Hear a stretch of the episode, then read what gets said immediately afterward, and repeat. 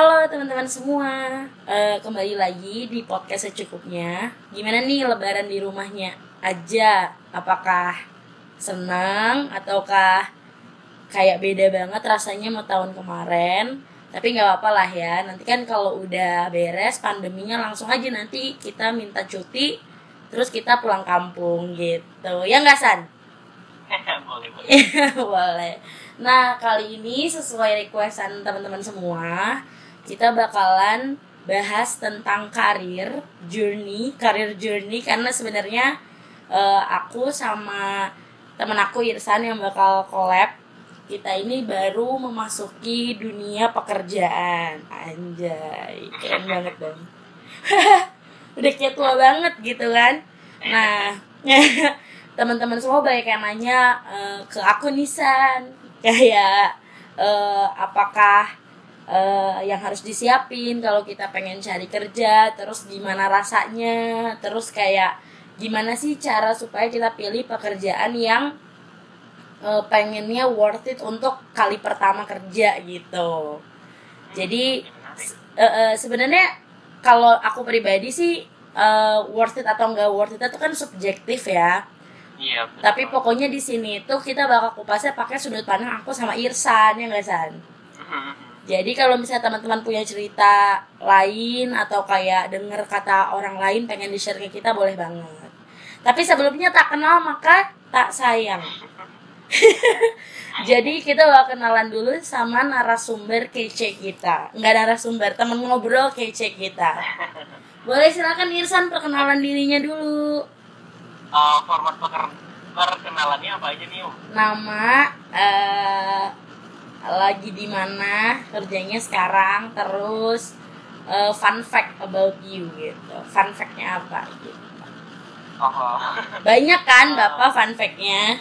Enggak juga sih. Oh, jadi namanya eh, nama lengkap Muhammad Irfan Effendi Nasution. Biasa Mhm. dipanggil Irsan Mhm. terus aku sekarang lagi kerja jadi digital planner di Densu Agis Network Indonesia. Dan agensinya namanya Vizu Fiza. Um, kalau fun fact-nya nggak tahu sih apa fun fact. Mungkin Yumi tahu ya fun fact. fun fact-nya misalnya oh Irsan ini fun fact-nya eh, kalau keluar negeri lagi sharing tuh nggak pernah nggak ketemu gue Eh, beda tiket tiba-tiba berangkatnya bareng gitu jadi kayak Iya, iya, iya. bingung kan tuh ya fun fact banget tuh Fun fact banget. atau enggak fun fact kita waktu di Bandung sering banget ritual bareng-bareng kan Hmm, ritual apa tuh? ritual ritual nonton film staycation gitu kan sama temen-temen Ah. kan. Kita ritualnya yang sehat-sehat. Eh. ngomong lu sehat ha? oke baiklah Iya. nah itu perkenalannya sekarang kita mulai dari Nisan aja kali ya jadi ada yang nanya Nisan gitu kira-kira eh, gimana sih eh, perjalanannya? Najis banget kan dong Perjalanan. Irsan nih dari wisuda deh dari wisuda terus eh, sampai kerja di Visum ini sekarang. Atau ada nggak eh, future plan yang pengen Irsan jajaki? Nah boleh banget nih cerita. Silahkan. Oh, Oke. Oke, halo teman-teman semua pendengar setianya eh, apa podcast cukupnya Mbak Yumi. asik. Um, Iya, tadi Yuni udah disclaimer ya kalau misalnya uh, ini bakal pakai sudut pandangnya Yuni dan Irsan, which is uh, baru masuk dunia kerja gitu. Jadi uh, fresh grad yang baru masuk dunia kerja itu gimana sih pandangan kita terhadap cari-cari kerja dan karir journey kita itu. Pandangannya berubah nggak sih dari yang sebelumnya uh, yang jadi akademisi gitu, jadi pelajar. Yuk. Nah kalau dari um, apa dari wisuda itu aku sama Yuni ini sering banget uh, nongkrong di kafe-kafe di Bandung dan di Jatinangor buat nyari kerja bareng. Jadi kita tuh sama uh, Dewi ya satu lagi. Yoi, sama Dea kadang-kadang suka ngikut Oh buat iya, skripsian. ada Dea juga. sama Dea dan Dewi ini kita berempat itu sering banget uh, ngumpul-ngumpul terus kayak sharing-sharing information tentang pekerjaan. Jadi uh, apa ya? Jadi flow-nya benar-benar udah apa ya temenan banget gitu. Jadi bahkan sampai cari kerja pun kita bareng. Aja yang dilihat apa tuh kak? Di laptop tuh yang dilihat apa? Sebenarnya mah ini YouTube aja. LinkedIn ya kan? LinkedIn. Oh iya nah em, kalau cari kerja sendiri eh, aku itu karena karena aku Yuni dan Dewi itu jadi first batch eh, HI Unpad 2016 yang lulus pertama kita Yoi. nggak terlalu eh, punya apa ya rekan atau teman yang bisa dicari tahu gitu dan untuk alumni sendiri itu pas kita cari tahu itu apa ya eh, lingkungan pekerjaan yang sekarang itu udah berubah gitu dalam satu tahun itu berubah banget gitu Betul. atau alumninya eh, di institusi yang pengen kita eh, masukin ternyata udah pindah gitu kan jadi ini benar-benar tulis banget ya ini kita Hmm. kita benar-benar cari sendiri kita benar-benar ngulik LinkedIn sendiri Hmm. apa semua platform pekerjaan itu kita daftar. Parah ada 98an lah. Gila gue hitung-hitung tahu. Wah, benar-benar dihitung ya ya. Iya mohon maaf. Semua LinkedIn yang easy apply sama yang apply doang kita pencet semua tombolnya. aduh. Terus uh, ke job fair bareng-bareng. Itu uh, ya uh, karena dan dan itu jadi apa ya jadi, jadi sesuatu yang uh, apa ya poin plusnya kita ya. soalnya kita itu uh, dihadapin dengan lingkungan yang kayak gitu yang tulus gitu tapi kita harus mencoba ada uh, adaptasi dengan lingkungan yang tersebut Tuh. dan um, ya uh, kalau menurutku uh, selama mencari pekerjaan ini kita nggak cuma uh, daftar apa ya daftar uh, ke platform-platform cari kerja itu sendiri uh, menurutku uh, kalau kalau setelah uh, melewati fase itu ternyata menurutku uh, setiap uh, platform uh, pekerja, apa cari kerja itu punya uh, apa ya punya uh, tendensinya sendiri. Misalnya LinkedIn itu uh, cocok untuk yang uh, profesional yang uh, apa ya yang pekerjaannya lebih ke sosial ya. Gitu. Iya betul. Anak-anak IPS gitu.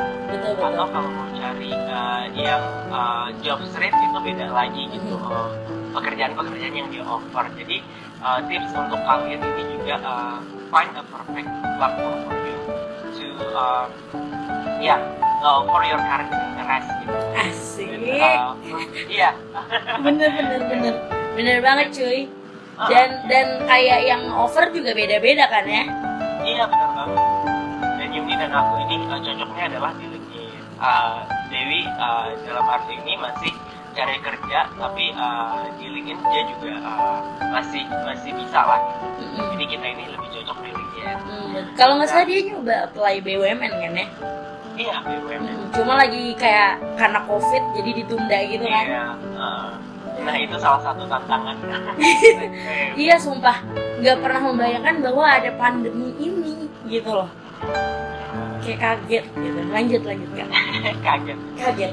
Um, terus selama cari pekerjaan selain kita nongki-nongki di kafe uh, apa ada dilema-dilemanya juga nih dalam diri sendiri.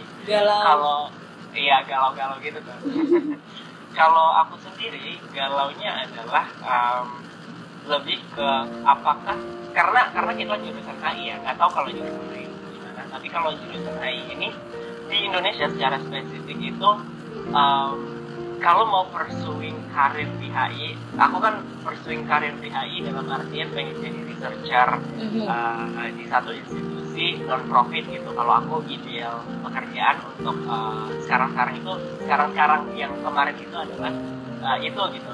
Uh, ternyata mereka offer uh, apa ya gaji yang menurutku di bawah Di, di bawah perkiraan kita ya. oh perkiraan kita ya Iya. dan menurutku hidup dengan gaji itu enggak uh, terlalu- Enggak ya. Hmm. enggak terlalu uh, gitu Ya nggak pas gitu ya. nggak pas ya benar Um, jadi adalah dilemanya itu tuh uh, apakah harus uh, mencari pekerjaan yang profit oriented atau cari pekerjaan yang Interest. passion gitu ya interest gitu Um, nah selama cari-cari kerja tuh uh, beberapa perusahaan juga ada yang nawarin tapi uh, menurutku itu terlalu jauh dengan uh, apa dengan dengan uh, apa sih passion atau backgroundku yang uh, hubungan internasional gitu uh, satu ketiga di pagi hari Anjay, pagi hari. Terus ngapain tuh kak? Ada satu chat nih dari seseorang ini tidak bukan adalah uh, uh, Yumi Mohon maaf itu saya kebetulan lagi di ini loh bis yang mau ke Bandung. Mohon maaf, mohon maaf mohon maaf. MGI kan? Oh. nah Yumi ini tiba-tiba eh San gua tertarik nggak sih kerja di media komunikasi global Ya hmm, media komunikasi global karena gue uh, dulu medcom klubnya A Anjay. Oh jadi background lo nerima kerjaan itu tuh itu. iya ada dengan, experience juga kan Iya benar. Terima kasih Pak Chandra. Teh Ali bukannya Eh, Teh Ali juga berdua tahu. Eh Oh, dua kan? dua ya ingatnya Teh Ali uh, medcom klubnya kayak oh oh iya uh, tertarik ya tertarik gitu Iya. ya uh, oh ini uh, terus dia offer satu pekerjaan yang sebenarnya Yumi udah diterima tapi dia memalingkan hati gitu. Mohon maaf ya kak. terus jadi kayak uh, mereka hubungin aku lewat LinkedIn uh, si manajernya ini yang aku ya yang aku haruskan Inspiration banget buat lo ya. Uh, Mbak Aquilina kalau Mbak Aquilina. Nanti lu suruh Mbak Akulina dengerin podcast ini ya. siap kalau Mbak Lina. Uh, uh, dihubungin lewat LinkedIn terus uh, apa uh, interview segala macam terus juga dites tiba-tiba tuh dari uh, apa ngeri analisis data uh, media gitu. Yang sebenarnya kita nggak terlalu belajar ya di Background. Iya, statistikanya agak jauh dari apa yang kita pelajarin gitu di HI. soalnya di HI itu kita kan lebih ke uh, analisis politiknya dan lain sebagainya Iya, mohon maaf, kita di HI status itu belajarnya tentang kepadatan penduduk, Kak. Eh, iya mau Eh, mohon maaf. jadi uh, ini benar-benar naluri sendiri uh, dan uh, coba tanya beberapa teman juga apakah mereka uh, familiar dengan uh, apa sih dengan uh, data yang diberikan uh, yang dites ini terus kayak uh, aku coba narik data sendiri dan ternyata uh, setelah beberapa fase gitu juga uh, dihubungin HRD uh, untuk interview lebih lanjut dan lain sebagainya Mhm. uh, alhamdulillahnya diterima Yeay. Iya nih ya, nih disclaimer, disclaimer. Kenapa gue nggak disclaimer? Maksudnya penjelasan apa penjelasan lebih lanjut. Kenapa gue ngasih ini ke Irsan? Karena sebenarnya kan gue sempet denger denger nih Irsan tuh dulu anak IPA, sering OSN fisika ya kak? Eh Iya. fisika ya. Nah terus Irsan tuh di researchnya jago banget guys jujur kayak selama bertahun-tahun gue bersama dia di perjalanan kuliah kayak nih orang detail banget gitu loh jadi kayak menurut gue ini suitable sama dia dan gue sebagai orang yang ngelihat angka tuh langsung muntah jujur. Nah terus gue kak Aukulina nanya kamu punya nggak rekomendasi orang? Nah gue langsung tiba-tiba kepikiran Irsan. Like tiba-tiba gitu san muka lu tuh ada gitu di atas kepala gue like itu jujur. Gitu. Jadi kayak sebenarnya em, kita juga dalam pencarian itu harus saling sharing ya guys. Kayak itu penting banget guys sih san? Iya iya iya. kayak kita tuh nih kayak aku Mirsan aku aku pribadi ngerasa aku aku nggak bisa gitu loh nyari kerja kalau nggak ada temennya yang ikutan nyari kerja juga. Kayak apa ya? Rasanya kayak garing aja gitu nyari sendirian terus sedih gitu loh sedihnya sendirian kalau misalnya. nggak bisa curhat. Kebetulan kan saya orangnya open book banget nih teman-teman. Jadi Irsan nih kalau lagi nongkrong di cafe gitu terus gue ngerasa mau gila sendiri gitu yang ngelihat formnya terus gue ngelihat apa syarat-syaratnya. Terus gue suka nanya gitu sama Irsan San ini maksudnya apa sih San? Gue tuh mau kerja ini tapi kayak gini San. Coba lu baca deh maksudnya apa San? Gitu iya nggak San? Iya iya kita setuju gitu ya.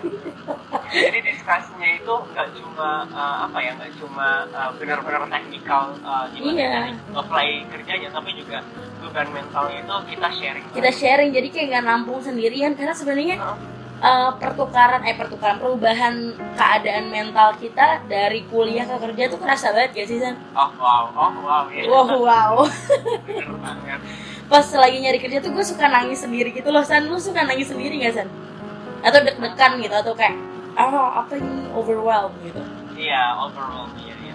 Iya gitu guys oke lanjut lanjut. Terus gimana san? Abis keterima di Vism?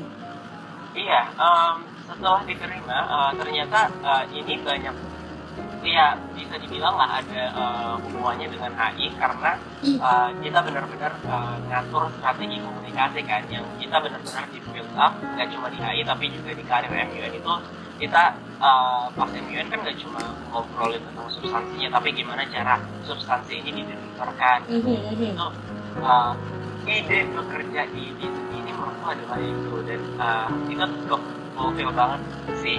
Jadi profit dan passion tadi ketika uh, aku masuk bisnis ini aku merasa uh, walaupun passionnya nggak terlalu nggak sesignifikan itu uh, dan profitnya ya cukup lah ya. Ini uh, cukup bisa dibilang lebih lah ya untuk uh, pribadi iya. doang. Ini untuk pertama kali tuh kayak kisaran di atas 5 tuh kayak sesuatu yang gede gak sih? Iya. Uh, uh, uh, dan ya udah seneng aja. Iya. kayak yes I can make money with myself gitu. Iya. dan nggak perlu uh, apa ya uh, jadi beban keluarga itu uh, sesuatu yang melegakan. Iya, yeah, it's it's one of achievement gitu loh. Kayak ah pengen ini ah langsung kayak oh ada uang oh, nih. Iya. Gitu. Lanjut. Ya, Yo, biasanya tuh gini loh guys, gue tuh waktu masih kuliah ya, check out barang di Shopee tuh check out doang. Eh enggak, iya. ditaruhnya di keranjang, nggak gue check out check out gitu. Nggak bisa. Sekarang justru gue mikir, gue pengen langsung check out nih beli apa ya yang pantas gitu. Aduh, setelah dipikir-pikir, uh, tadi ada pertanyaan kan yang lo bilang iya. kerjaan yang worth it untuk first job itu gimana nah, sih iya. gitu. Gue merasa at the end of the day uh, ketika ada suatu pekerjaan yang uh, lo bisa hidup dengan uh, gaji yang mereka tawarkan dan sedikit ada sedikit uh, experience yang lo bakal butuhin di masa depan lo uh, itu udah jadi uh, first job yang mumpuni. Jadi uh, harus uh, karena kita first timer ya uh, mm-hmm. menurutku experience itu juga penting gitu. Karena dan experience ini juga harus dilihat dengan uh, apa ya dengan tujuan karir lo di depannya gitu. Jadi uh, ya menurut gua uh, lo cari pekerjaan yang uh, pekerjaan jangan terlalu uh, idealistik. Mm-hmm. mencari pekerjaan yang kayak apa ya yang kan gue pengennya uh, kerja di institusi non profit uh, non pemerintah gitu uh, itu kalau gue idealis banget dengan di, pengen di situ gitu. Uh, which is nggak ngecover biaya bulanan gue mm-hmm. uh, itu bakal jadi rasa bersalah juga karena uh, iya benar. gua untuk graduate itu kan untuk jadi mandiri gitu nggak mm-hmm. jadi bukan uh, keluarga lagi. Nah di situ pasti ada rasa bersalahnya. Uh, dan di lain pihak uh, lo juga harus uh, mengedepankan uh, apa ya ngeset karir uh, masa panjang lo itu lo uh, mikirin apakah setidaknya uh, pekerjaan yang ada sekarang yang ditawarkan sekarang bakal uh, skill-skill yang dia tawarkan yang bakal lo kerjain ini uh, ada hubungannya dengan uh, pekerjaan lo di masa depan. Dan di sini menurut gua uh, skill research benar-benar bagus banget di Bizum juga skill strategi komunikasi dan skill analisis yung uh, tiga hal ini kan penting banget gitu buat jadi researcher uh, iya itu karir uh, idaman gua di ke depannya gitu. which is you got it from Ism gitu ya? Iya iya I got it a lot. Uh, yeah. iya dan sebenarnya ini sih Isan yang pengen gue coba bilang kepada teman-teman yang ngedengerin ini ya. Kayak uh, ketika lu merasa di kuliah you already being on uh, on very top position gitu ya. Because you are very active misalnya lo adalah ketua BPH misalnya atau nggak lo ketua BEM misalnya kayak gitu ya. But in the end di dalam pencarian kerja lo tuh zero lagi loh gitu. Secara nggak yeah, langsung yeah. lo tuh harus nempuh satu jalan yang beda jalannya dan lo harus mulai lagi dari start gitu. Jadi sebenarnya ketika kita mencari kerja teman-teman harus apa ya ngeset gitu ya ngeset pemikiran posisinya adalah oh ketika kita masuk kerja ini adalah jalan yang baru loh gitu. Jalan di kuliah tuh udah beres nih sampai iya. graduation gitu kan nah sekarang gue lagi ke jalan kerja yang berarti gue juga mulai lagi dari awal gitu dari kayak lu daftar ulang kuliah gitu loh Ah, Iya kan? Jadi pasti lo akan bertemu dengan pertawaran posisi yang mungkin nggak langsung tuh jadi sekretaris atau nggak jadi apa manajer gitu ya. Tapi mulai dari staff dan menurut gue emang itu yang harus dilaluin kok gitu. Jadi kadang-kadang bener kata Irsan, teman-teman jangan terlalu idealis gitu. Em, pekerjaan ini harus kita tempuh sama kayak kita nempuh eh, proses belajar gitu ya nggak sih? Anjay keren banget bahasa Iya gue bener banget, bener banget sih. Jadi ketika lo masuk pekerjaan lo harus lo nggak bisa expect lo tinggi gitu lo, Betul. lo harus expect uh, you will gain something from that uh, job, you will gain uh, a lot of skills from that job, and you will grow through that job gitu. Iya, iya betul banget. Dan jangan malu gitu ya San ya. Mm-mm, iya iya bener banget. Aha. Karena kadang-kadang gini, kalau kita udah merasa aku aku yakin banget banyak teman-teman yang udah di kuliah tuh udah hebat banget gitu ya. eh, dengerin podcast ini. Terus teman-teman harus berpikir bahwa ketika kerja itu kan nanti teman-teman akan ketemu eh, keluarga baru gitu ya. Ketemu lingkungan baru, orang-orang baru, atasan baru gitu. Kayak ketemu kakak tingkat di kuliah aja gitu. Nah, teman-teman harus jadikan mereka-mereka semua adalah pendukung teman-teman belajar di jalan yang baru tersebut gitu, pelan-pelan gitu. Jadi kayak emang semua tuh proses gitu. So, kalau misalnya kita pengen misalnya, oke, gue pengen ngeset, eh, pengen mandiri, nggak deket keluarga lagi. Kita lihat gajinya pasti kan. Terus bidangnya tadi kata Irsan, cocokin nama interest. Oke cocok, bida- udah cocok. Tapi gue baru jadi staff, ya memang harus seperti itu orang kita baru awal gitu nggak sih? Iya. jadi kayak jangan apa ya jangan merasa aduh kan gue di kuliah tuh udah jadi ketua bem gitu misalnya kok gitu gue udah pernah ketemu presiden misalnya kayak gitu kan kok kerja gue cuma jadi staff ya karena lo baru datang ke dunia kerja so welcome gitu jadi lo baru Iya. buka pintu kerja gitu loh guys gitu Iya, iya.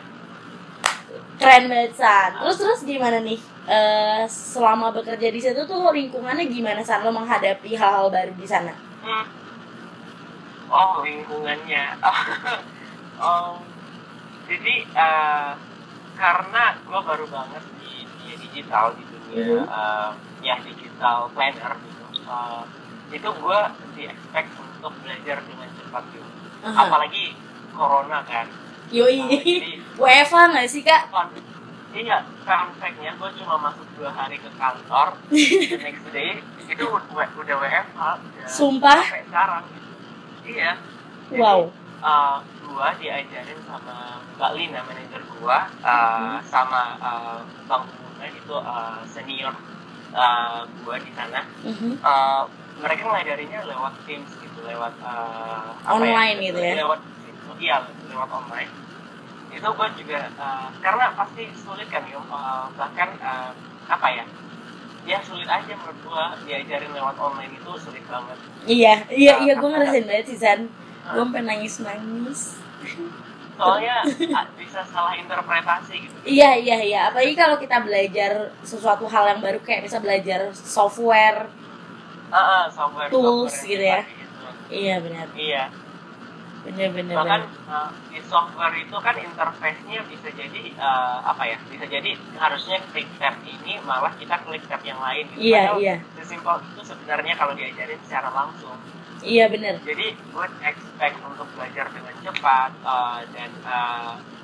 dan ya itu sih menurut gue gue berkembang dengan cepat juga sih. Uh, nice dan dan ya dan uh, gue udah di apa ya udah langsung nanganin klien udah uh, ngatur performance uh, apa sih komunikasi uh, Mhm. klien-klien.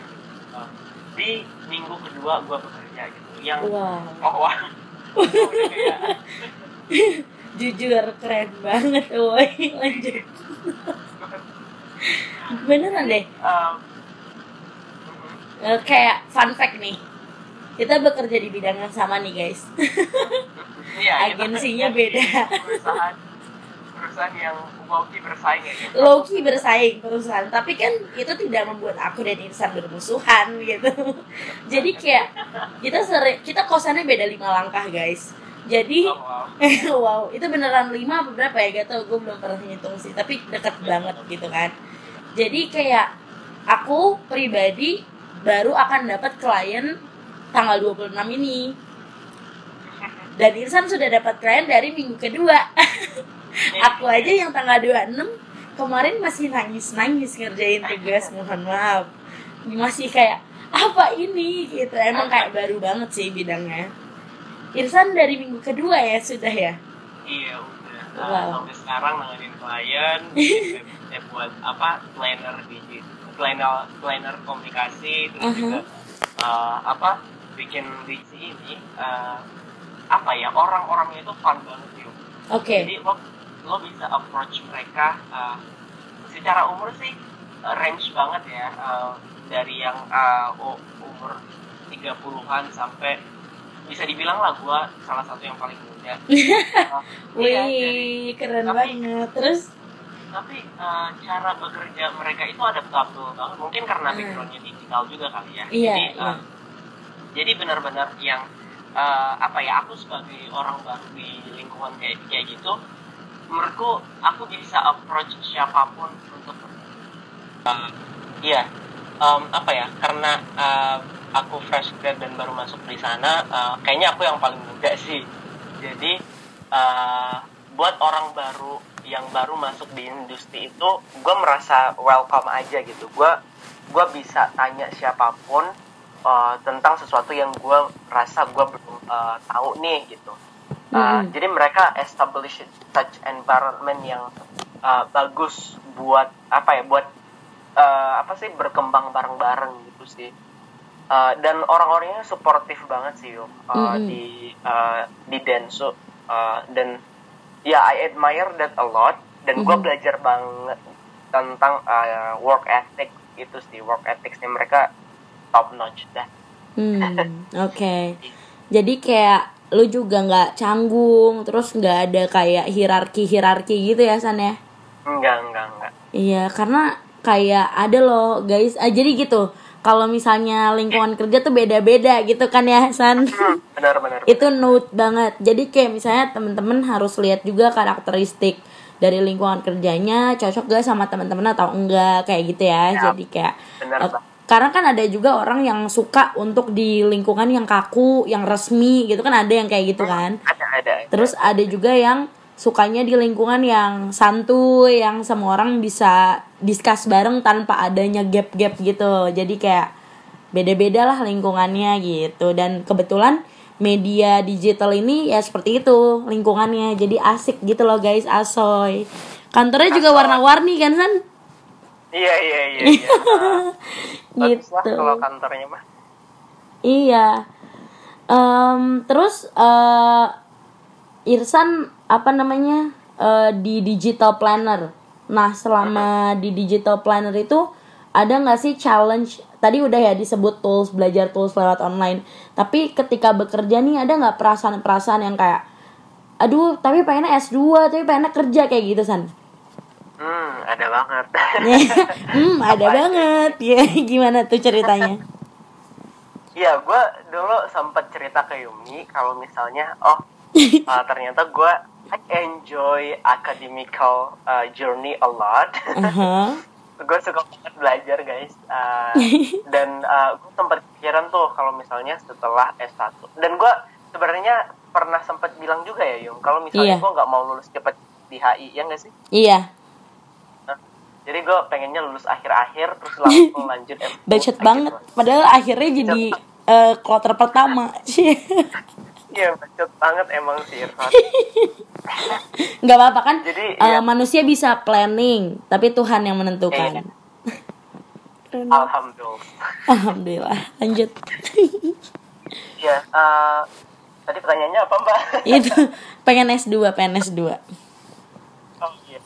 Sempat sih tersirat untuk itu dan eh, ketika eh, apa ya, gue sempat eh, subscribe beberapa eh, website terkait eh, master apa ya, Master eh, degree. website website yang eh, nyediain info-info tentang eh, apa sih eh, S2 Mhm. dan lain sebagainya itu ketika mereka ngirim email eh, walaupun itu cuma di promotion atau di spam pas gue Mhm. buka terus kayak gue lihat gue sering merenung gitu aduh banget ya kalau gitu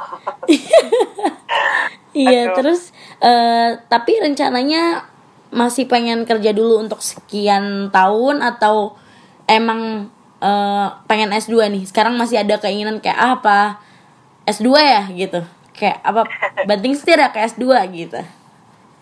Iya ya. Eh, kalau sekarang sih, um, eh, setelah gue pikir-pikir, meditasi ya kan, Aha. gue eh, dalam satu arah itu menuju ke eh, gue kayaknya eh, kerja dulu deh setahun atau Mhm. dua tahun maksimal. Eh, j- dan eh, setelah itu baru eh, nyari S2 gitu. Dan Oke. selama gue bekerja ini gue juga sambil cari gitu. Iya, Eh, benar. Dan da- co- dan coba daftar-daftar aja dulu gitu. Mhm, mhm, mhm. Ih, suka banget deh, Cie. soalnya uh, kalau dipikir-pikir uh, Mhm. setelah uh, kemarin pas gua uh, apa sih mencoba lolos dari uh, HI Unpad keluar dari HI Unpad itu banyak banget yang harus diurus guys. Nggak cuma uh, tentang revisi lo doang. Itu Iya. urusan administrasinya gitu lah. Kebetulan ya itu eh mohon maaf. bener-bener lo nggak bisa Aduh. mikirin hal lain selain uh, keluar dari HI itu ngurusin kita pengen sidang aja nih. Sampai nangis saya di kafe. Apa gini? Gue masih inget banget san gini udahlah san. Gue nggak usah sidang aja. Cepet-cepet capek banget. Ya nggak san? Gue gue sering mental breakdown lah kita. Kebetulan aku kalau mental breakdown tuh nggak lama tapi sering. Iya. Aduh apa banget gue Yum iya nggak apa-apa. Aduh ngakak banget ya Allah. Iya gitu. Bener Jadi itu experience-nya Irsan guys. Gitu. Nah sekarang tanya dong San ke gue. Gue mau cerita juga. Iya sok Yum cerita deh. Ya gitu pertanyaan Irsan tuh guys. Singkat padat selesai gitu. Selesai. Selesai Eh, nanyanya maksudnya. Oh, oh, selama cari pekerjaan Heeh. uh, suka dukanya Suka dan duka. lain-lain. Baik, Tips-tips terima juga deh. kasih. Kalau aku, jadi em, itu tadi cerita Irsan dan eh, kita tuh kalau aku sendiri tuh aku kemarin pas selama apa namanya libur Lebaran, libur Ramadan maksudnya, aku tuh suka flashback gitu di archive Instagram kan.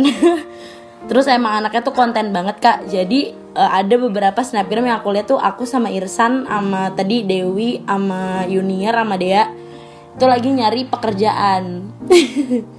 Terus aku langsung kayak inget, eh ya Allah nih orang-orang yang nemenin gue nih kemarin sambil nyari kerja bareng gitu kan. Jadi emang perjalanan nyari kerja aku tuh pasti sama mereka. Terus yang kedua, aku tuh orangnya dulu nggak punya LinkedIn, bener gak San? baru bikin pas mau jadi kerja ya pas mau sidang jadi kayak sumpah nggak tahu LinkedIn tuh apa gitu terus kayak ya beberapa temen aku ada Andy juga dari Bandung terus ada Hmm, iya, iya. Andy ada Irsan. Ya ada banyak deh pokoknya ngomel gitu. Bikin LinkedIn gitu. Penting loh LinkedIn buat cari kerja gitu. Aku pikir kayak apaan sih LinkedIn LinkedIn gitu kan. Nah terus itu susah banget cara bikin dari nol tuh susah banget. Jujur kayak harus ngerekap data-data yang eh, layak dimasukin gitu kan. Terus kayak harus bikin profilnya selengkap mungkin. Mohon maaf itu bikin aja dua hari gitu kan. Nah pas habis pegang LinkedIn langsung ngerasain oh gini rasanya nyari kerja. Dan pada saat itu yang aku rasain adalah deg-degan. Deg-degan san. Gue dulu san. Hmm, gue tuh ngerasa kayak ini gue beneran ready nggak ya untuk bekerja gitu. Karena eh, banyak pekerjaan. Nah kalau Irsan kan tadi pengennya jadi researcher kan? Kalau aku pengennya kerja di UN guys. Ini ini keinginan mendalam itu. Terus kayak spesifiknya UN gitu ya. Eh UN lah UN atau enggak pengen ker aku sama lah kayak anak-anak HI gitu kan. Pengen diplomat gitu pengen ya gitu deh pokoknya. Nah tapi aku ngerasa mereka banyak menawarkan kesempatan kerja untuk master degree kalau aku tantangannya. Jadi aku mikir kayak aduh kayaknya nggak bisa nih gue sosokan idealis pengen di tempat yang harusnya untuk master degree. Dan waktu itu sempat konsultasi sama dosen pembimbing aku. Kebetulan dosen pembimbing aku orangnya aktif banget tuh di ASEAN kan? Terus cerita lah kira-kira gimana nih gitu. Pengen kerja di sini tapi master degree gitu kan. Terus dan aku menyadari aku masih banyak yang harus dipersiapin kayak TOEFL dan lain-lain. Terus kayak apa pokoknya pengennya ketika masuk ke pekerjaan yang aku pengenin banget aku udah siap banget gitu. Kayak udah komplit gitu gak sih San? Kayak lu misalnya jadi researcher juga udah S2 gitu kan San? Ya, bener banget. Jadi udah terspesifikasi lah minatnya apa gitu ya nggak cuma HI gitu. Nah terus aku mikir kayak kerja di mana ya yang bisa jadi tempat yang bikin aku develop gitu. Develop interest aku. Kalau kalau aku mikirnya aku nih orangnya nggak suka banget sama yang resmi-resmi gitu. Aku tuh orangnya nggak yang isu HI resmi gitu. Nah terus aku tiba-tiba bertemulah dengan kesempatan kerja di agensi ini. Kalau aku agensi yang namanya Grup M nah uniknya kalau aku itu ikutnya kampus hiring guys. Jadi sebenarnya selain LinkedIn teman-teman juga harus ini sih harus rajin-rajin cari kampus hiring information. Karena sebenarnya walaupun misalnya dia ini di kampus orang gitu ya terus kita dateng tuh itu buat sabi banget gitu loh. Kayak apa ya? Kayak itu tuh bisa buat semua orang cuma dia tempatnya aja di univ itu gitu. Nah waktu itu aku ikut kampus hiring yang di itb gitu kan. Terus soalnya nggak tahu nih ini apa sih nih uh, kantor apa gitu yang aku tahu aku tahu namanya gitu. Tapi nggak tahu bidangnya apa. Nah pas dijelasin aku mikir dulu tuh aku pengen banget masuk Vkom kan terus kayak uh -huh. tapi nggak mau karena berantem sama temen sekelas. Jadi jadi kayak iya san lu tau gak sih yang rebutan undangan? Gue kan gak mau SBMPTN san. Gue kalau SBM gue blok san sumpah. Kayak mohon maaf nih. Bisa bisa itu apa? Item itemannya tuh nggak bisa di scan jadi aku kayak nggak mau SBM gitu. Dia aku nyari yang mana yang jurusannya nggak banyak saingan gitu tapi pas ngedengerin presentasinya aku kayak oh ini tuh bidang komunikasi loh gitu. Masih masuk kok masih masuk sama gue gitu. Nah terus ini panjang sih ceritanya. Jadi kayak waktu kampus hiring nah kampus hiring sendiri tuh unik guys. Dia tuh ada beberapa step yang harus kalian lakukan. Nah si grup M ini kampus hiringnya tuh unik banget karena satu hari doang san. Lo tau kan ceritanya? Iya tau tau uh, jadi kayak uh, di hari itu yang gue dapat informasinya adalah gue akan interview. Pikir gue kan cuma kayak oh dua jam doang gitu kan.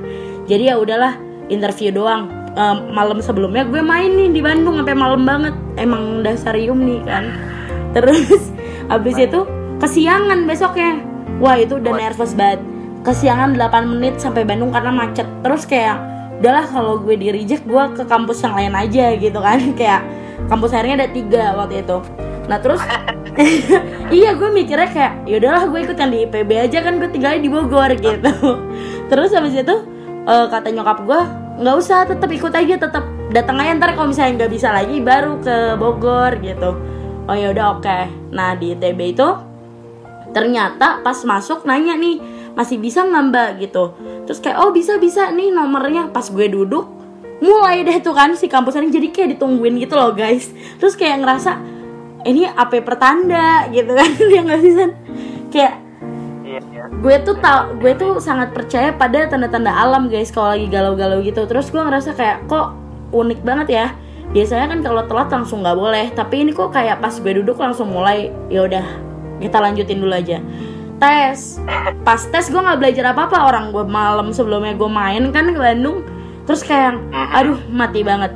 Terus gue liat nih anak-anak ITB bajunya pada rapi-rapi kebetulan pakai jas pakai iya. kemeja mohon maaf. Saya pakai ini tank top tapi ya tank topnya agak resmi sih. Terus pakai ini blazer yang very non formal pakai legging. Terus pakai sneakers mohon maaf. Ini hmm, gimana ya gitu kan. Terus habis itu pas sudah beres ya. kenapa? Agak minder pasti. Iya mohon maaf. Gue kayak jiper gitu loh kayak nih gue buang-buang waktu aja gak sih di sini? Gitu loh nah terus okay. gue ikut nih apa maksudnya buang-buang waktu tuh pasti bakal ditolak gak sih gitu. Nah terus sesi pertama tes psikolog eh, tes psikologi nah tesnya tuh quiz pop up gitu kan di HP kita masing-masing. Itu ada dua pertanyaan yang kelongkap sama jempol gue ke next.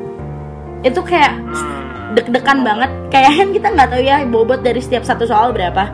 Terus kayak karena di HP tuh jadi ke next gitu loh nggak diisi apa-apa terus kayak ya udahlah ya udahlah gitu ya udahlah nggak mungkin gitu kan. Nah terus tiba-tiba pas lagi abis apa namanya abis pop up quiz itu ini ada tes yang kayak Miss Indonesia gitu. Jadi nanya eh, satu pertanyaan kita jawab satu menit gitu pakai bahasa Inggris. Terus gue yang kayak Oke, menarik. kayak MUN kayak MUN ya kata gue. Ayo bisa yum kayak MUN kata gue gitu kan. Eh pertanyaannya datang nih. Ten- pertanyaan yang gue dapet tau tau nggak san? Tentang marketing. Apa? mohon maaf banget nih saya kan HI ya kak. Kagak tahu pertanyaan perjawabannya apa. Udah kita ngasal aja ya kayak MUN gitu kan. Terus dah kita jawab.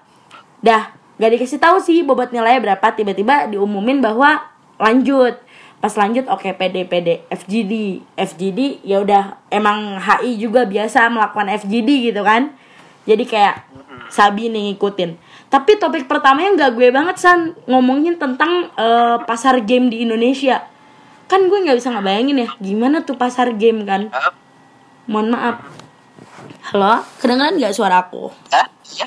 Kedengeran, kedengeran. kedengeran. Nah terus pas sudah pasar game, isu kedua baru uh, how to reduce plastic waste in 2030. Uh, SDGs kan tuh masuk kan?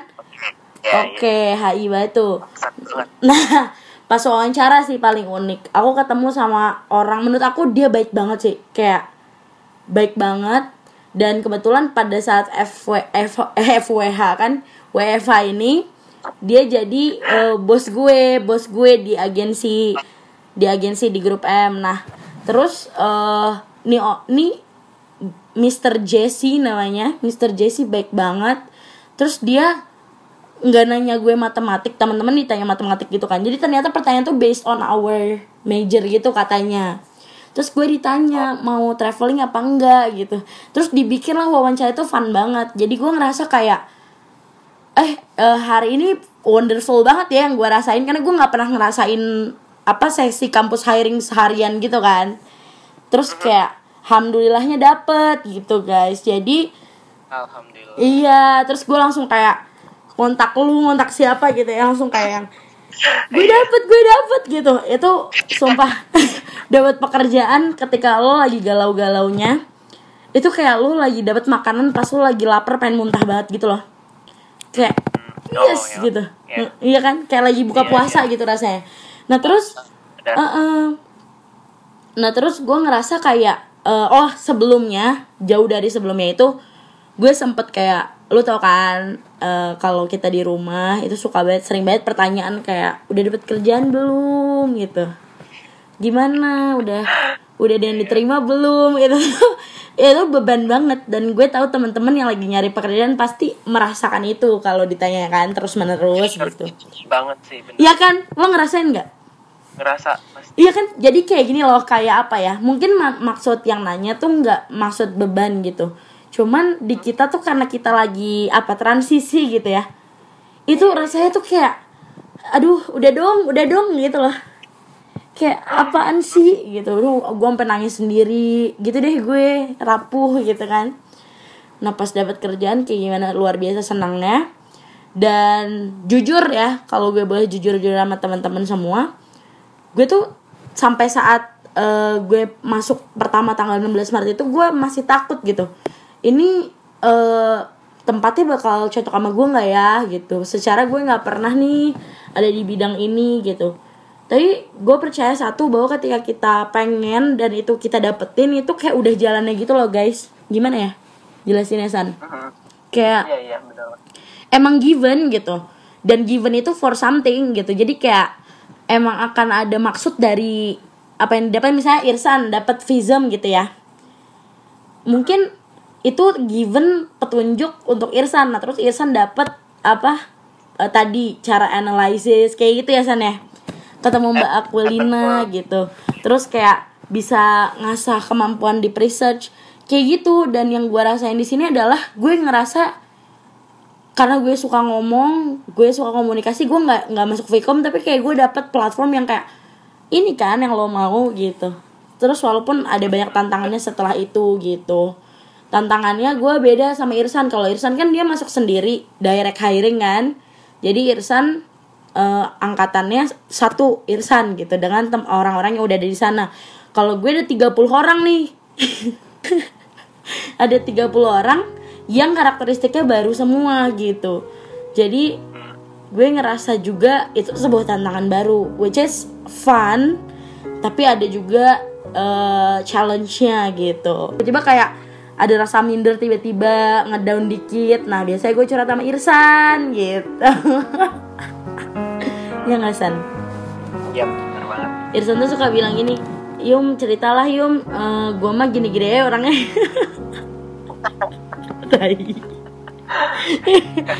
Iya guys kan? Gitu Nah terus eh, mau nanya lagi Eh dari question box lo ada pertanyaan gak San? Eh, mereka eh, sama aja sih pertanyaan-pertanyaannya udah kita uh, address di cerita tadi tapi ada satu pertanyaan nih Apa? Eh, bilangnya eh, ini kan baru eh, apa ya kita kan masuk umur 20-an terus Mhm. juga baru eh, meniti karir baru eh, dan eh, apa ya selama eh, mencari pekerjaan atau selama bekerja ini pernah ngalamin eh, quarter life crisis nggak Apa krisis apa? Quarter life crisis Oh quarter life, Life crisis, Ya. Oke kita jawab berdua Tapi Sa- Irsan dulu Irsan pernah nggak merasa quarter life crisis? Uh, I think all of my life is a crisis. Lu tuh kan Um. guys kena lau Jawabannya kena batu Aduh.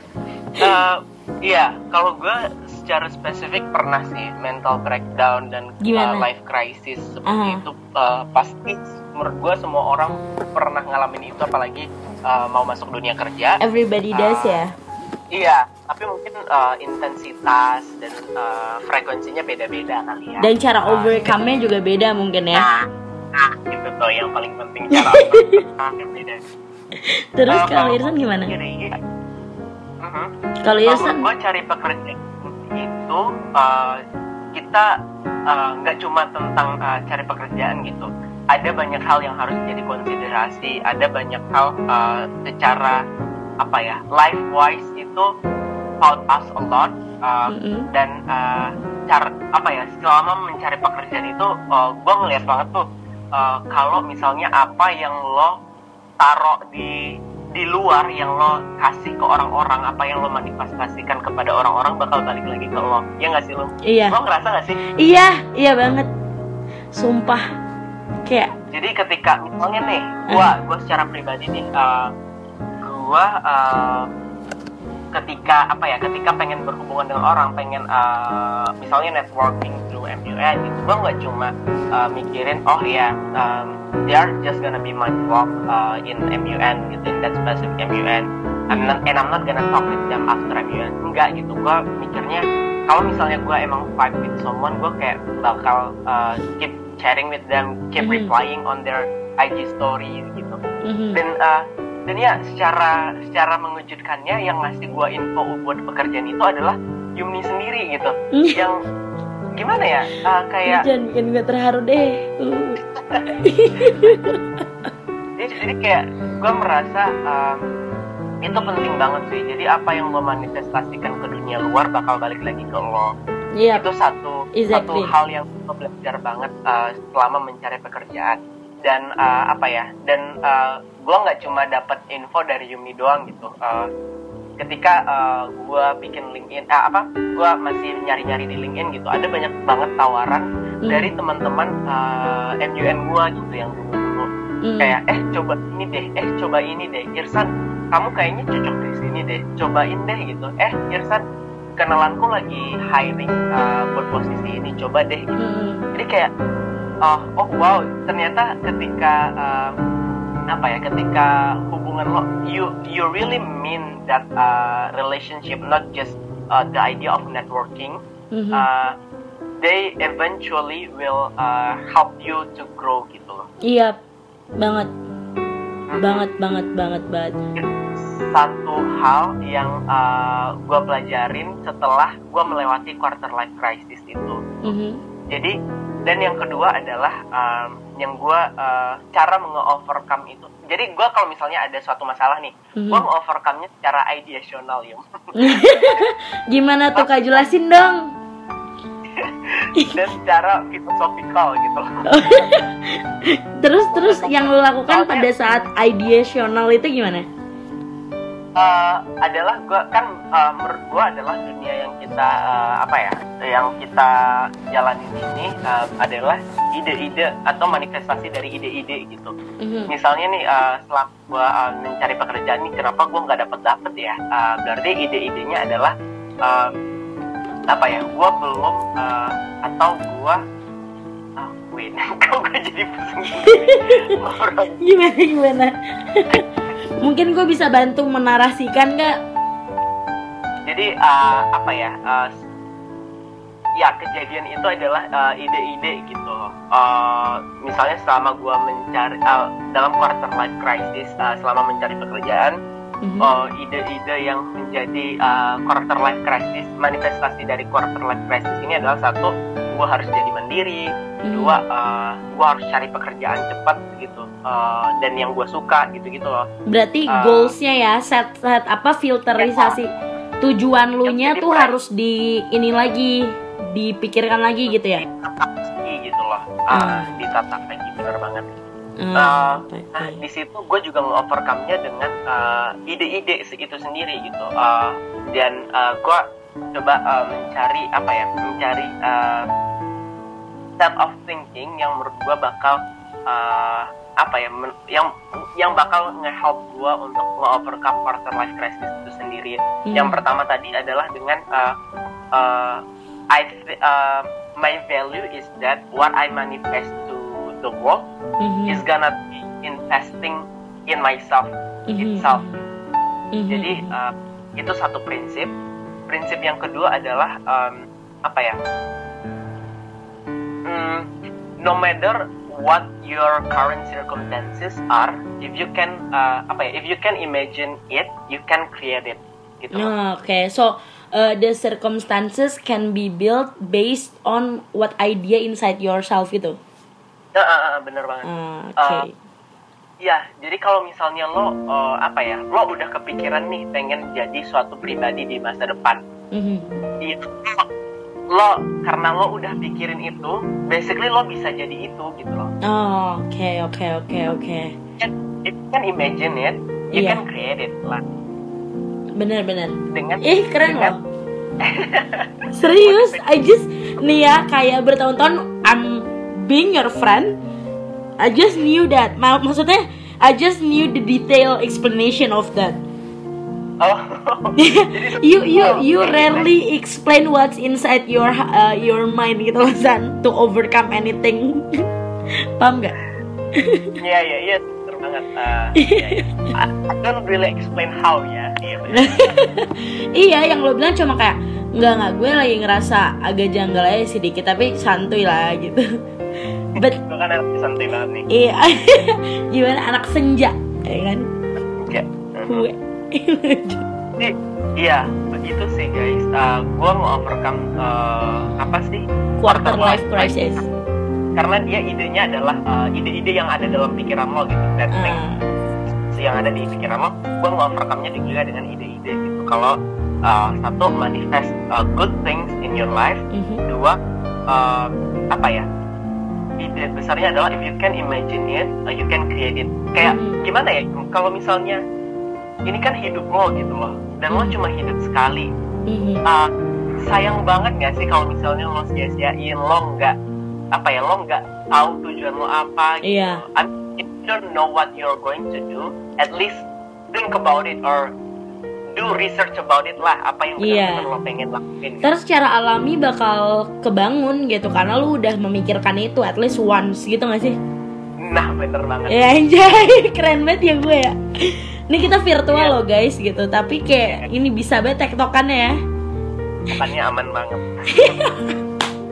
Kayak gue Bener-bener. pernah sempat baca kalau apa ya kalau misalnya uh, setiap individu itu adalah uh, apa ya a universe experiencing itself gitu loh ya wow oke okay. jadi lo pikirin aja kalau misalnya uh, everyone uh, everyone has their own point of view everyone mm -hmm. has their own life and mm-hmm. everyone is actually a universe because uh, your point of view is different from the others mm -hmm. and ya hidup lo secara entirely itu beda dengan orang lain mm -hmm. jadi basically if you're the universe experiencing itself you have a control of it lah mm-hmm. uh, and by that uh, you need to manifest good things in your life as well as knowing that uh, apa ya knowing uh, ya yeah, knowing that uh, apa ya awarenessnya itu loh awareness yeah. terhadap kalau hidup ini adalah punya lo gitu dan tadi uh, pengen ngeling back juga apa yang kata Yumi tadi mm-hmm. kalau misal uh, lo udah uh, nggak uh, tahu nih apa yang mau lo lakuin uh, udah cari tahu dulu aja sendiri karena uh, ntar bakal ada gitu loh mm-hmm. gue sempet baca di buku apa gitu ya yuk mm-hmm. uh, jadi dia bilang kayak gini if you have a big goal or or or, or a big change that you want to make mm-hmm. uh, come up with basic plan uh, and and you dive into it gitu loh mm-hmm. because of the learning will come from being immersed in the experience uh, apa ya of the dive in gitu loh jadi mm-hmm. banyak hal yang bakal timbul secara tiba-tiba ketika lo bener-bener manifesting your time and your thoughts fokus gitu ya details. iya uh, on the details or the basic plan mm-hmm. before the big plan itself gitu. many people over plan as an excuse to never actually start isn't it yep jadi kayak even even lo cuma think about it but you also have to focus uh, ketika lo think about it gitu dan kayak bakal automatically invest to yourself gitu ya. Uh, uh, uh, banget. Oh it's a very unique system of our body exactly. Yeah mm-hmm. maybe it, it it's also that's why every single people are unique isn't it? Yeah exactly. Because they they're uh, uh, perspective, their goals are also different gitu kan? Ya. Uh, nice. Jadi, wow. Iya, begitulah. Aduh, ini yang nanya kenyang banget nih. Nih jawabannya guys. Wih, udah keren banget ya lu. Sama San, yeah. oh nggak berniat untuk bikin buku, San? Wah, bikin buku. Gak tau sih. Iya, tapi pengen kan? Um, Tunggu ya, ya guys, buku Irsan Effendi Nasution. Oke, okay. uh, now my turn to answer ya. Tadi apa? Gimana? Uh, apa ya? Pernah nggak sih uh, quarter. apa quarter life crisis? Okay. Dan gimana sih cara nge-overcome itu sendiri quarter okay. life crisis? Oke. Okay. Jujur sering ya, mohon maaf. Kalau quarter life crisis um, pokoknya gue pernah gue sering mental breakdown gitu kan apalagi di masa-masa pencarian kerja gitu. Um, gue gue nggak pede gitu. Sebenarnya gue ini yang suka menggalakkan jangan insecure jangan insecure tuh gue insecure gitu. Untuk untuk mencari kerja tuh gue insecure jujur. Karena gue orangnya gue pernah cerita juga di mobil sama Irsan bahwa gue ini orangnya hoki gitu uh, banyak banget orang bilang lu kayaknya hidupnya hoki-hoki gitu. Yum. Dan gue merasa benar gue tuh hidup dari gue SD ya dari TK deh dari TK sampai eh, kuliah itu semua tuh kehokian gitu loh. Misalnya gue dari SD mau masuk SMP favorit gitu ya gue pakai japres gitu kan. Japresnya nggak sengaja gitu. Kayak gue nemu SMP gue buka kompetisi kalau juara langsung masuk hoki ya kan nah padahal nilai gue tuh papasan gitu. Dan gue nggak nggak ngerasa uh, I'm a very clever person yang kayak otaknya brilliant yang sampai kayak nggak lo nggak baca tuh kayak langsung cering tahu segala hal di dunia ini gitu kan. Nah waktu itu yang gue rasain pada saat gue habis wisuda nih habis up up upacara wisuda kita di Granus itu san. Pas gue pulang gue ngerasa kayak sabi nggak nih gue melanjutkan hidup ya gitu apakah kehokian gue masih berlaku ya gitu. Itu jujur nambah itu alasan pertama banget gue merasa akan krisis. Terus yang selanjutnya gue gue orangnya minder. Jadi gini loh uh, ketika gue ngerasa orang ada agak memandang gue kayaknya meragukan gitu. Gue udah meragukan diri gue sendiri terus gue ngeliat orang meragukan gue gitu. It create apa ya a very huge reasons gue akan sangat krisis gitu. Ngerti gak? Gue ini orangnya attach banget to people guys. Um, jadi people's feeling people's uh, apa? People's way to think about me people's way to see me gitu ya. Even kayak dia ngelirik doang nih sama gue. Gue tuh bisa apa ya can feel it gitu. Kalau orangnya walaupun bilang kayak enggak gue nggak pernah ngeliat lo kayak gitu gue ngerasa gitu loh. Nah Iya, iya. Ketika gue bersama orang-orang yang mungkin gitu mungkin agak misalnya kayak misalnya gue bilang gue pengen cari kerja nih gitu. Terus orang ada misalnya pihak-pihak yang kayak yakin gitu misalnya komennya. Misalnya kayak ini deh ada nih saudara gue gitu. Yakin gitu. Itu tuh langsung Iya, iya. dek gitu. Emang emang gue segitu nggak meyakinkannya ya? gitu langsung down. Nah Irsan tuh tahu banget tuh gue kalau lagi kayak san gue bisa nggak ya? gitu nah tapi gue juga di satu sisi gue juga orang yang suka challenge myself gitu. Misalnya gini eh, mungkin karena udah terbiasa apa ya terbiasa apa ya namanya terbiasa gitu down gitu jadi kayak untuk kerja gue nggak boleh ini nih nggak boleh tempe gitu. Gue nggak boleh jadi tempe nih. Gimana ya caranya ya?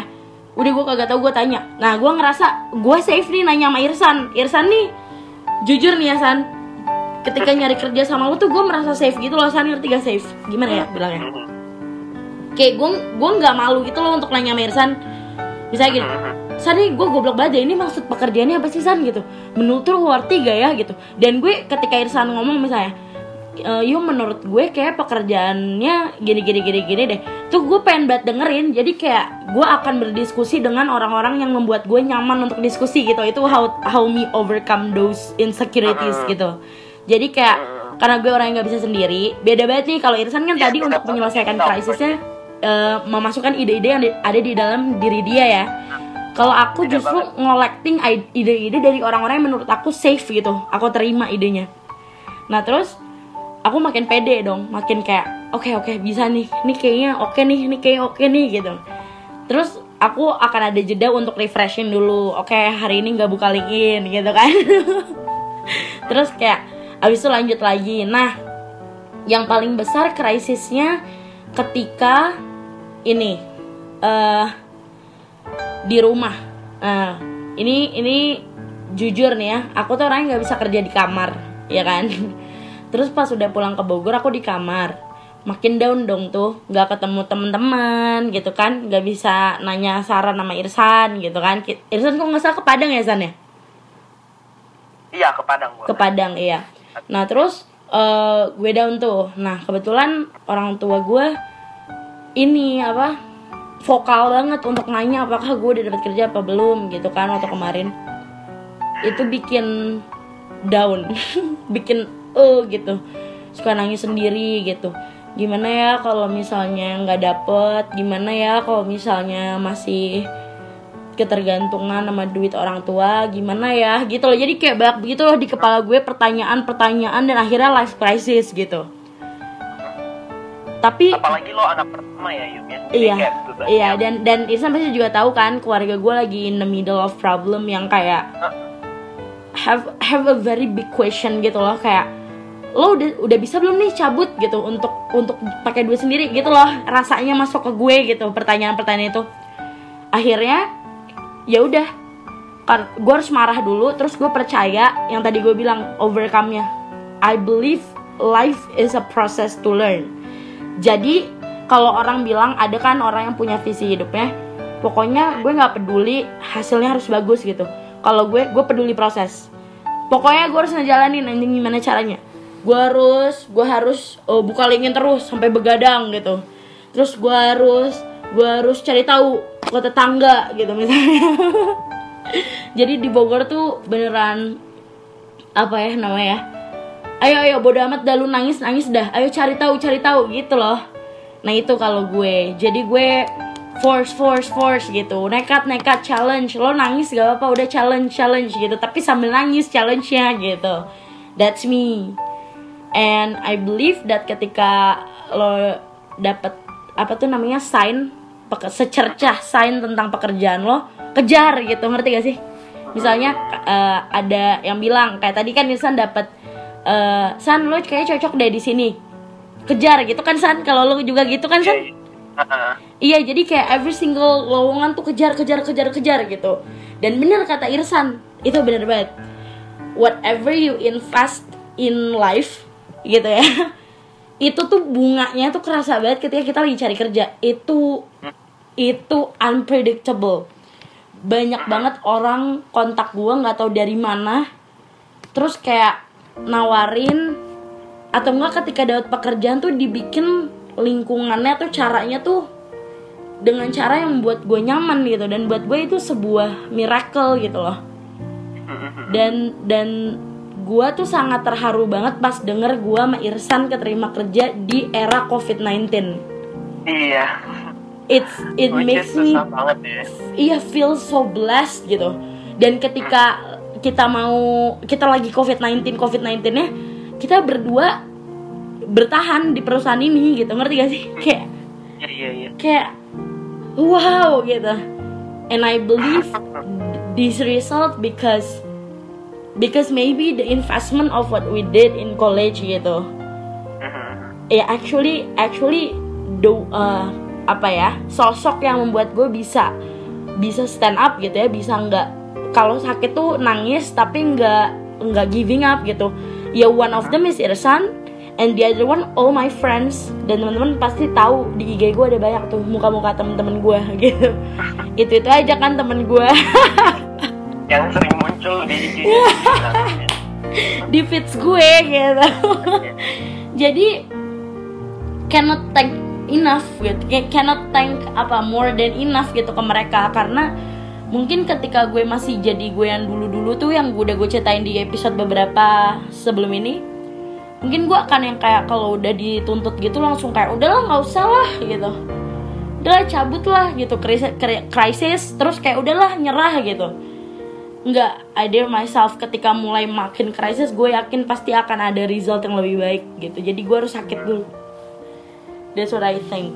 Dan and I did gitu di quarter crisis of life gitu. Terima kasih loh temen Irsan yang udah nanya. Siapa yang nanya San? Aduh gue lupa. Itulah. Lupa gue itulah hamba Allah. Apa Allah. Iya. Terus juga satu lagi pertanyaan. Ini mungkin akan menjadi akhir sebelum dikasih pesan nama Irsan. Pertanyaannya gini, gimana sih cara menstabilkan gitu kondisi di mana kita pengen kerjaan itu sesuai sama, sama passion kita tapi juga menguntungkan tapi juga bikin betah gitu.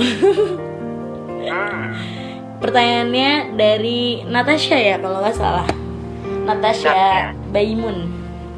oh Nat halo Nat Iya Nat. Em, sekali lagi gue bilang penjelasan ini dari perspektif gue dan Irsan berarti idealnya semua ada perspektif gue dan Irsan. Jadi kalau teman-teman punya apa namanya pendapat lain, it's fine ya nggak San? Bener banget Ini kan negara demokrasi. Apa hubungannya? Ada hubungannya nggak? ada sih Oh ada ada. Gue takut salah kan.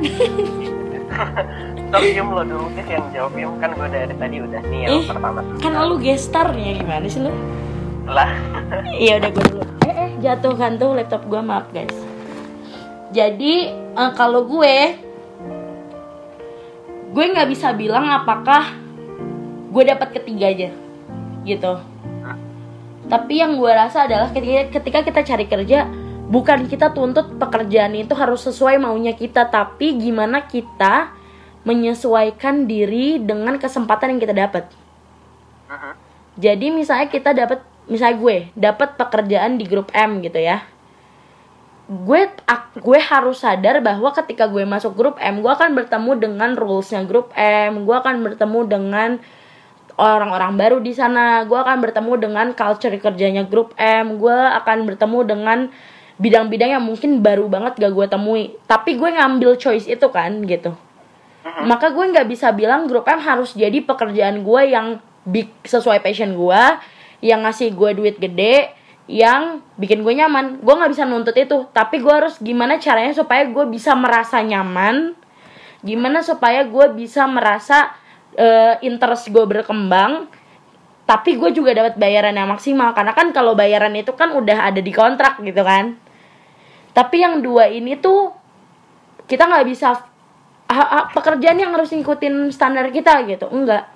Menurut gue ketika kita cari kerja kayak tadi gue bilang kita kan dari nol ya kan? Maka kita harus pintar-pintar milih dan mengambil choice ketika kita udah ngambil kewajiban kita harus take the risk dan menyesuaikan diri dengan pekerjaan itu. Dan itulah akan menjadi pekerjaan yang cocok pas bisa dijalanin sama kamu gitu. Ih keren amat jawaban gue gitu Nat. Kalau dari aku kalau dari Irsan gimana Hmm, iya. Uh, mungkin beberapa orang yang mungkin tingkat keberuntungannya tinggi itu bisa menemukan dua-duanya itu uh, apa sih? Apa aja sih tadi? Tiga ya? Uh, yang pas sama passion. Tapi oh, iya. dapat duit, duitnya maksudnya cocok gitu, pas gitu profitnya. Uh -huh. Terus yeah. bikin lo betah bikin betah oh ya jadi tiga variabel ya nah. um,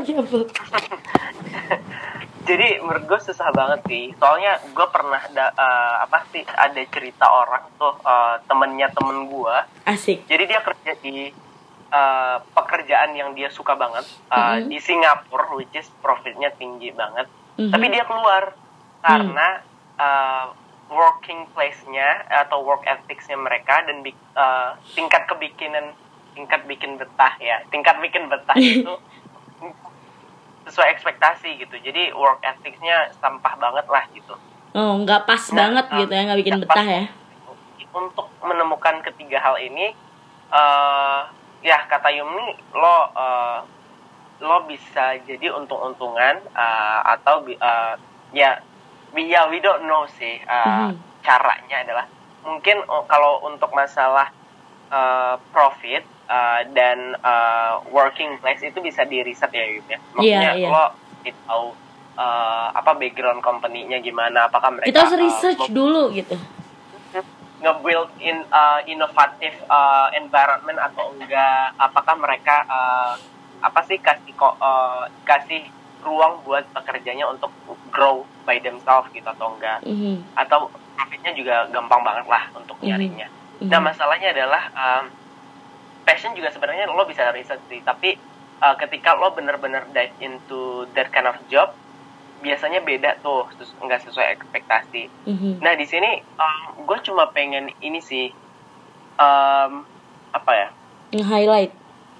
Nge-highlight uh, kalau misalnya uh, um, apa ya i, in a sense that uh, lo butuhnya lo pengen bener-bener mandiri atau di mana uh, keluarga lo bener-bener uh, harus dibantu nih uh, dengan lo uh, dengan lo ngehasilin sendiri mm-hmm. menurut gue di posisi kayak gitu lo harus nge apa ya nge ngeduluin profit dan passion mm-hmm.